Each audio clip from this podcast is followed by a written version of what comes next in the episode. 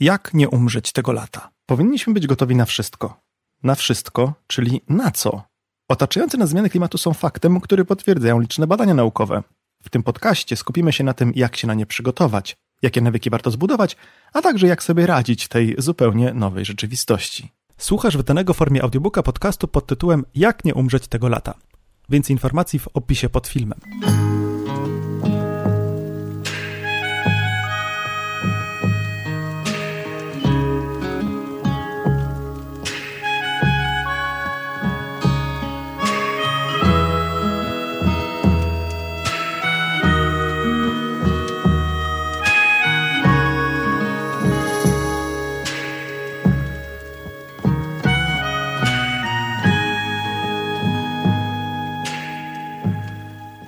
Ostatnie lata to rekordowe temperatury na globie. Jak podaje New York Times, w ostatnich latach, 8 ostatnich lat w historii pomiarów, to też zupełnym przypadkiem 8 najcieplejszych lat w historii pomiarów. I temu nie zaprzecza nawet śnieg na Marymoncie w Warszawie, czy nawet rekordowo mroźna zima gdzieś na Syberii. To, że gdzieś przez jakiś czas jest chłodniej, nie zmienia faktu, że klimat się ociepla, że średnia temperatura globu, średnia temperatura atmosfery się sukcesywnie zwiększa. Zbadane skutki tych zmian klimatu omówimy sobie bliżej w następnym odcinku. Natomiast dziś prześlizgniemy się tylko po powierzchni tych skutków, tych zmian. Popatrzymy sobie na ten nomen, nomen wierzchołek góry lodowej, która się oderwała od jakiegoś lodowca, skutek zmian klimatu i już do Polski przypłynęła. Znaczy, oczywiście takie zdarzenie nie miało miejsca. Jak się, jak się patrzy na górę lodową, to widać tylko jej część. Popatrzmy tylko na to, co widać najbardziej. Po to, żeby skupić się na tym, na co powinniśmy być przygotowani, na jakie ewentualności. Katastrofa klimatyczna może się wydawać bardzo odległa. No bo mówi się o tym, że jeśli świat nie zrobi czegoś w następne 20 lat, no to wtedy będziemy mieli mm, problemy, oględnie to ujmując. Ale ta katastrofa w zasadzie jest bliżej niż myślimy. Ona już tutaj jest. Wspomniałem o tym, że te 8 ostatnich lat to było 8 najcieplejszych lat i my w Polsce też widzimy te rekordy temperaturowe. To, co się nam najbardziej kojarzy ze zmianami klimatu, to oczywiście upały, że będzie po prostu gorąco, że będzie nieprzyjemnie, że będą tak zwane tropikalne noce. tropikalne, co to w ogóle znaczy? Znaczy, tropikalna noc to jest wtedy, kiedy temperatura w najchłodniejszej porze dnia, w sensie w nocy, nie spada poniżej 20 stopni Celsjusza. Takie coś, takie zjawisko w Polsce zdarza się coraz częściej, a wcale nie jest dla Polski, nie było dla Polski historycznie typowe. No więc oczywiście możemy się spodziewać, że będzie coraz cieplej latem. Będzie gorąco, będzie nieprzyjemnie, wrażliwi ludzie będą mieli problemy e, związane ze zdrowiem. No bo ludzie wrażliwi, którzy mają problemy z regulacją temperatury ciała, których organizmy sobie z tym słabo radzą, będą w jeszcze trudniejszej sytuacji, kiedy tych upałów będzie więcej. E, czyli możemy się spodziewać mm, fali przedwczesnych zgonów każdego takiego ponadprogramowo ciepłego, jak dla naszego klimatu, lata. Ale oczywiście ten, te zmiany klimatu to nie tylko to, że lata będą cieplejsze albo że zimy będą cieplejsze, bo przeciętnie całe, cały rok, lata, całe lata będą cieplejsze, ale to nie oznacza, że nie będzie już nigdy jakichś bardzo takich mroźnych zim. Mogą być mroźne zimy. Powiem więcej, te zimy mogą być jeszcze w Polsce mroźniejsze niż kiedykolwiek za czasów, kiedy mamy zapisy historyczne, że te zimy będą śnieżne, mogą być śnieżne jeszcze bardziej niż kiedykolwiek, mogą być zimniejsze i bardziej śnieżne niż ostatnia zima stulecia ale też mogą być zimy takie jak, jak ta, którą mamy w tej chwili. Jest rok 2023, styczeń, kiedy zaczynam nagrywać ten podcast. Ostatnie święta były bardzo ciepłe. 19 stopni w Warszawie w okolicy świąt, 19 stopni w grudniu, w, w grudniowe święta, bo wiecie, że w okolicy świąt, no wiadomo, że tam zawsze się jakieś święta trafią, kiedy jest ciepło, ale to, to nie powinny być święta zimowe, Boże Narodzenie. Ale takie zimy też mogą się zdarzać coraz częściej. Cytujemy portal spożywczy.pl. Obawy o stan ozimin zniechęcają rolników do sprzedaży ziarna, w sensie do zakontraktowania sprzedaży ziarna na nadchodzący sezon. Oziminy nie są bowiem przygotowane do spoczynku zimowego. Zważywszy na panującą dotychczas aurę, rośliny nie były w stanie się zahartować, co w sytuacji wystąpienia silnych mrozów w kolejnych tygodniach zimy bez większych opadów śniegu może spowodować wystąpienie strat mrozowych. Ostrzega IZP. Co to było IZP? Dobra, sprawdziłem. Izba Zbożowo-Paszowa. Nie zapisałem sobie w notatkach.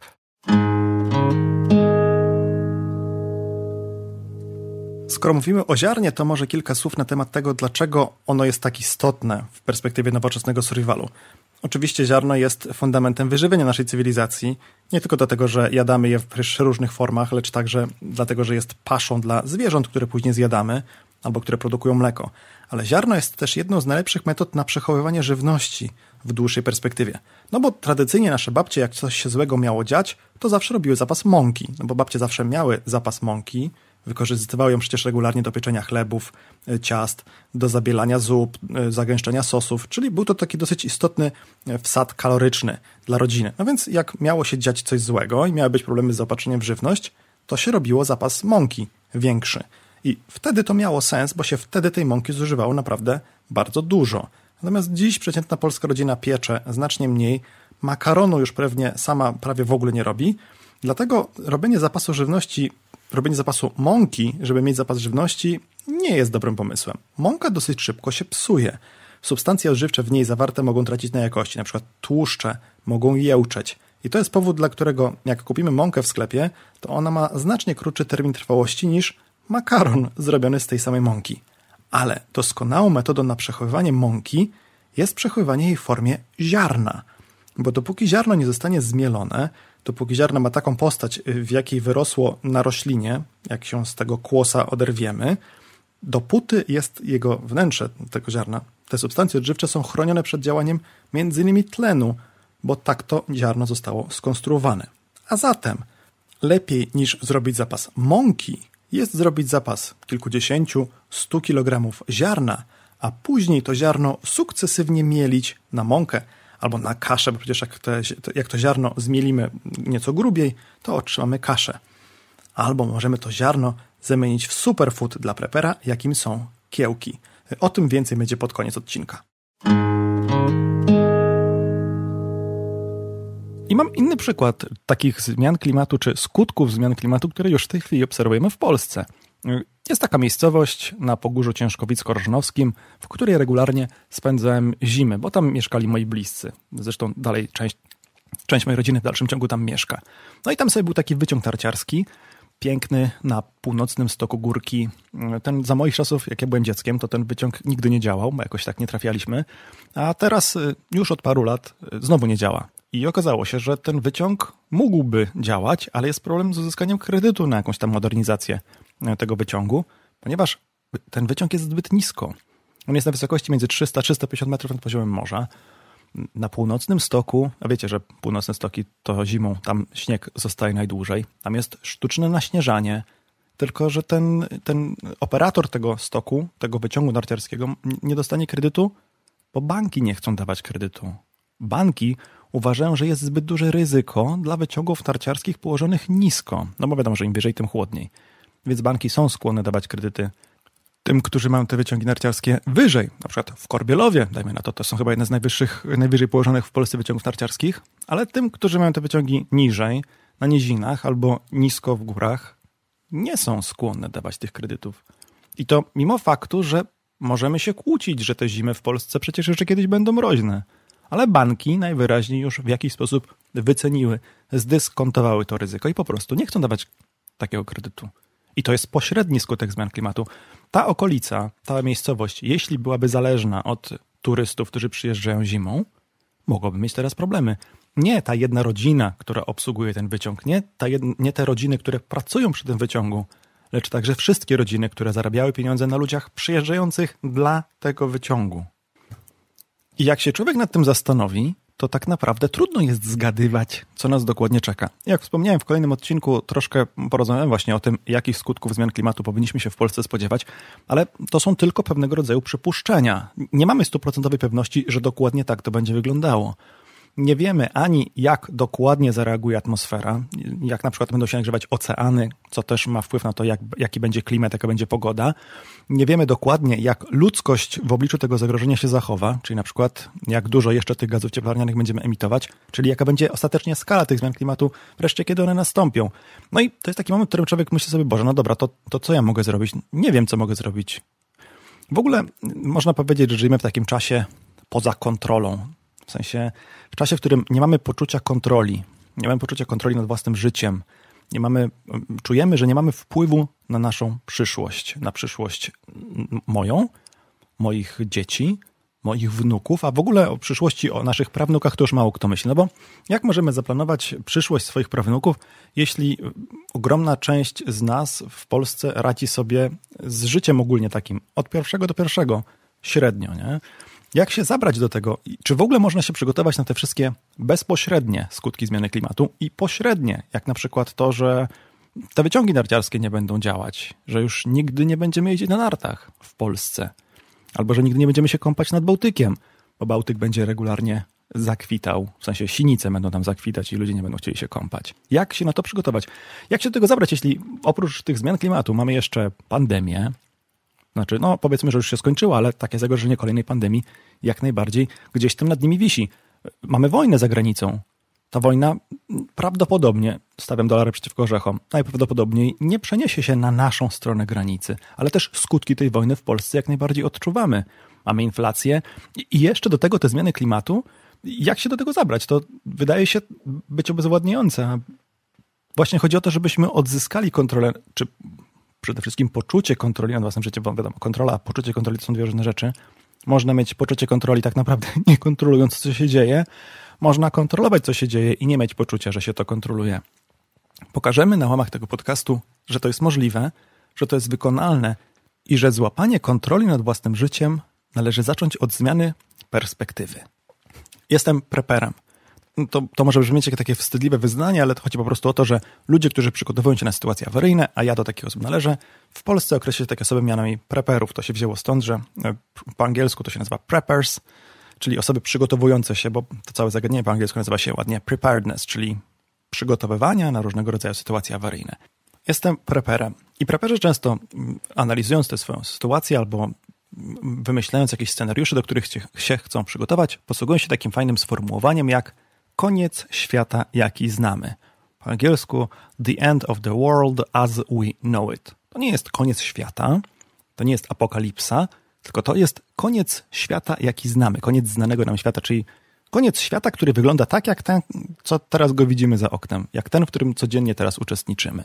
To może oznaczać wojnę, na przykład globalną wojnę termojądrową, to może oznaczać uderzenie w Ziemię jakiegoś meteorytu, to może oznaczać atak kosmitów albo apokalipsę zombie, ale to może oznaczać także mniejszą, rodzinną apokalipsę, mniejszą rodzinną katastrofę, która w skali całego świata nie zmieni praktycznie niczego. No przecież takie katastrofy jak śmierć kogoś czy utrata pracy zdarzają się w, no, w wielu domach codziennie, ale z perspektywy tej rodziny to będzie koniec świata, jaki ta rodzina znała. Świata, w którym ta jedna osoba jest jedynym żywicielem rodziny, a nagle jej nie ma. Albo nagle nie ma z czego wyżywić tej rodziny, ponieważ traci pracę. To może oznaczać na przykład koniec świata z przewidywalną prognozą pogody, jaką znamy. Przewidywalną, czyli taką, którą można tam z, pewnym, z pewną dokładnością przewidywać, co się będzie działo za tydzień, ale także co się będzie działo latem. No bo jeśli nie jesteśmy w stanie przewidzieć, jaka będzie temperatura latem, ani jakie będą opady do lata, to trudno jest nam na przykład zaplanować, co wysiejemy, albo jakie warzywa posadzimy w ogrodzie. Jeśli robimy to tylko hobbystycznie od tego nie zależy przeżycie naszej rodziny, czy wyżywienie naszej rodziny, to zmartwienie jest nieduże. Ale jak pokazaliśmy na przykładzie, rolnicy, nie mając pewności, że to, co zasieją, czy to, co zasadzą, czy to, co zaczną hodować, że to dożyje do miejsca, do momentu, w którym będą na tym zarabiać pieniądze, mogą być nawet skłonni po prostu zmieniać zawód, sprzedawać te działki i zajmować się czymś innym nie wypasem owiec w Bieszczadach, no bo w tych Bieszczadach być może się nie będzie dało wypasać tych owiec. To może być koniec świata zdającą się przewidzieć ilością opadów, bo te opady mają kluczowe znaczenie dla tego, ile tej wody w Polsce jest. A woda jest potrzebna oczywiście w rolnictwie, oczywiście tę wodę też pijemy codziennie, no nie? Ale jest też potrzebna w przemyśle, także w przemyśle energetycznym. Odpowiedni poziom rzek jest niezbędny do tego, żeby chłodzić bloki energetyczne, które są nad polskimi rzeczami, rzekami. Kilka elektrowni jest nad Wisłą na przykład jak nie będzie w Wiśle odpowiedniej ilości wody, to taka elektrownia Kozienice może mieć problem z chłodzeniem, czyli będzie miała problem z produkcją. Czyli może się okazać, że tylko przez to, że jest susza, mamy problem z dostarczaniem prądu. Tam to też jest szereg innych czynników, które mogą wpływać z racji zmian klimatu na produkcję energii, ale tylko ten jeden może spowodować, że nie będziemy mieli w całym kraju albo w części kraju prądu. To będzie koniec świata, gdy da się jeździć na narty, gdy da się zarabiać na jeżdżeniu na narty, na takiej turystyce zimowej w Polsce. To znaczy, turystyka zimowa pewnie będzie dalej.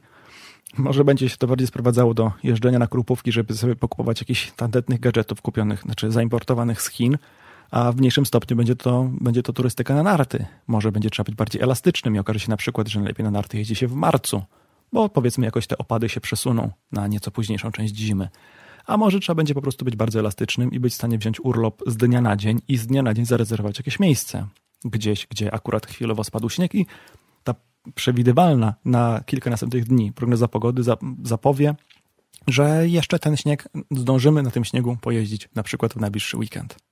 Idąc dalej w te pośrednie skutki zmian klimatu, to może być koniec świata, w którym znamy i jesteśmy w stanie przewidzieć, ile będzie kosztowało zboże, żeby na nim zarabiać, albo żeby planować jakieś informacje w oparciu o koszty tego zboża, nie wiem, produkcję makaronu, produkcję paszy, biznesplan pizzerii. Przecież z czego się bierze koszt mąki? Między innymi z kosztu zboża jak nie będę wiedzieć, ile będzie kosztować mąka, jak mogę uwzględnić to w, na przykład w biznesplanie pracy mojej piekarni, którą będę zakładał? Jak mogę policzyć i oszacować moje koszty życia, jeśli nie wiem, ile żywność będzie kosztować, bo nie będę wiedział, czy będzie się w ogóle jeszcze kiedykolwiek dawało produkować w Polsce? To nie jest tak, że jeśli nic nie zmienimy, to w przyszłym roku albo w 2030 w Polsce nie, da się, nie będzie się dało wyhodować ani odrobiny żywności, bo to jest oczywiście nieprawda. Ale gdzieś musimy się liczyć z taką sytuacją, z taką ewentualnością, że mogą zdarzyć się na przykład lata, kiedy zbiory będą znacznie mniejsze. I to może oznaczać dla części z nas, że przestaniemy jeść jabłka, a będziemy jeść śliwki, albo na odwrót. Ale dla tych z nas, którzy mają te sady śliwkowe, albo te sady z jabłoniami, to może oznaczać katastrofę dla części z nas. A jeśli ktoś produkuje śliwowice, no to śliwowice z jabłek nie będzie produkował i też mu się ten biznesplan wyłoży.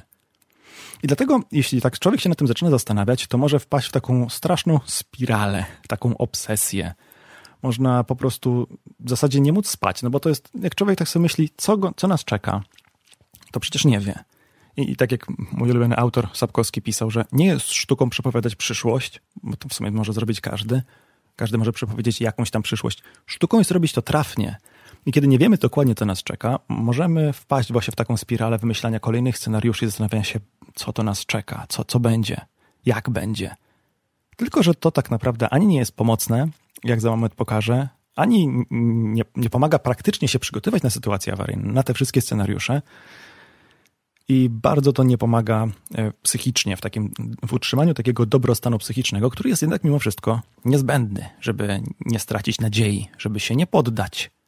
I tutaj pomaga skoncentrowanie się nie na scenariuszach, na wymyślaniu, co nam, co nam może grozić, tylko na potrzebach, na zaspokajaniu naszych potrzeb. Bo te nasze potrzeby to w zasadzie będą zawsze takie same, no nie? Natomiast scenariusze, które mogą się pojawić, mogą być najróżniejsze. I czy ktoś, znaczy, czy, chciałem zapytać, czy ktoś przewidywał w 2020 roku pandemię? I myślę, że tak, że ktoś przewidywał w 2020 roku pandemię. Myślę, że nawet mogło być wielu ludzi, którzy tę pandemię wtedy przewidywało, ale nie przypominam sobie, żeby gdzieś w jakimś, nie wiem, kalendarzu Majów albo w jakichś innych znanych przepowiedniach Baby Wangi, Baby Jagi, czy jak tam te postacie się nazywają, 2020 zaplanowany jest, zaplanowaliśmy, czy tam przewidujemy, czy kosmici nam powiedzieli, że przybędzie ten jeden z czterech jeźdźców apokalipsy i tam część ludzi zamorduje, ale pod wieloma względami ta pandemia nic nie zmieniła. Oczywiście były problemy na przykład z zaopatrzeniem w sklepach, bo się okazało, że łańcuchy zaopatrzeniowe są troszkę poprzerywane gdzie niegdzie, albo w ogóle nie można było pójść do sklepów w konkretnych godzinach, bo były godziny dla seniorów, albo bardzo wzrosły ceny niektórych produktów, nie? Ja prowadzę sklep internetowy. W naszym sklepie internetowym na trudne czasy sprzedajemy między innymi, sprzedawaliśmy między innymi maseczki przeciwpyłowe, które mogą na przykład chronić układ oddechowy przed smogiem, albo jak ktoś będzie się na przykład ewakuował z płonącego miasta, to przed tymi cząstkami zawieszonymi w powietrzu. Ale też te maseczki przeciwpyłowe po prostu zostały wymiecione ze sklepów w momencie, w którym rozpoczęła się pandemia. Tak samo było na przykład z płynem do dezynfekcji. Dokładnie tak samo było z jednorazowymi rękawiczkami.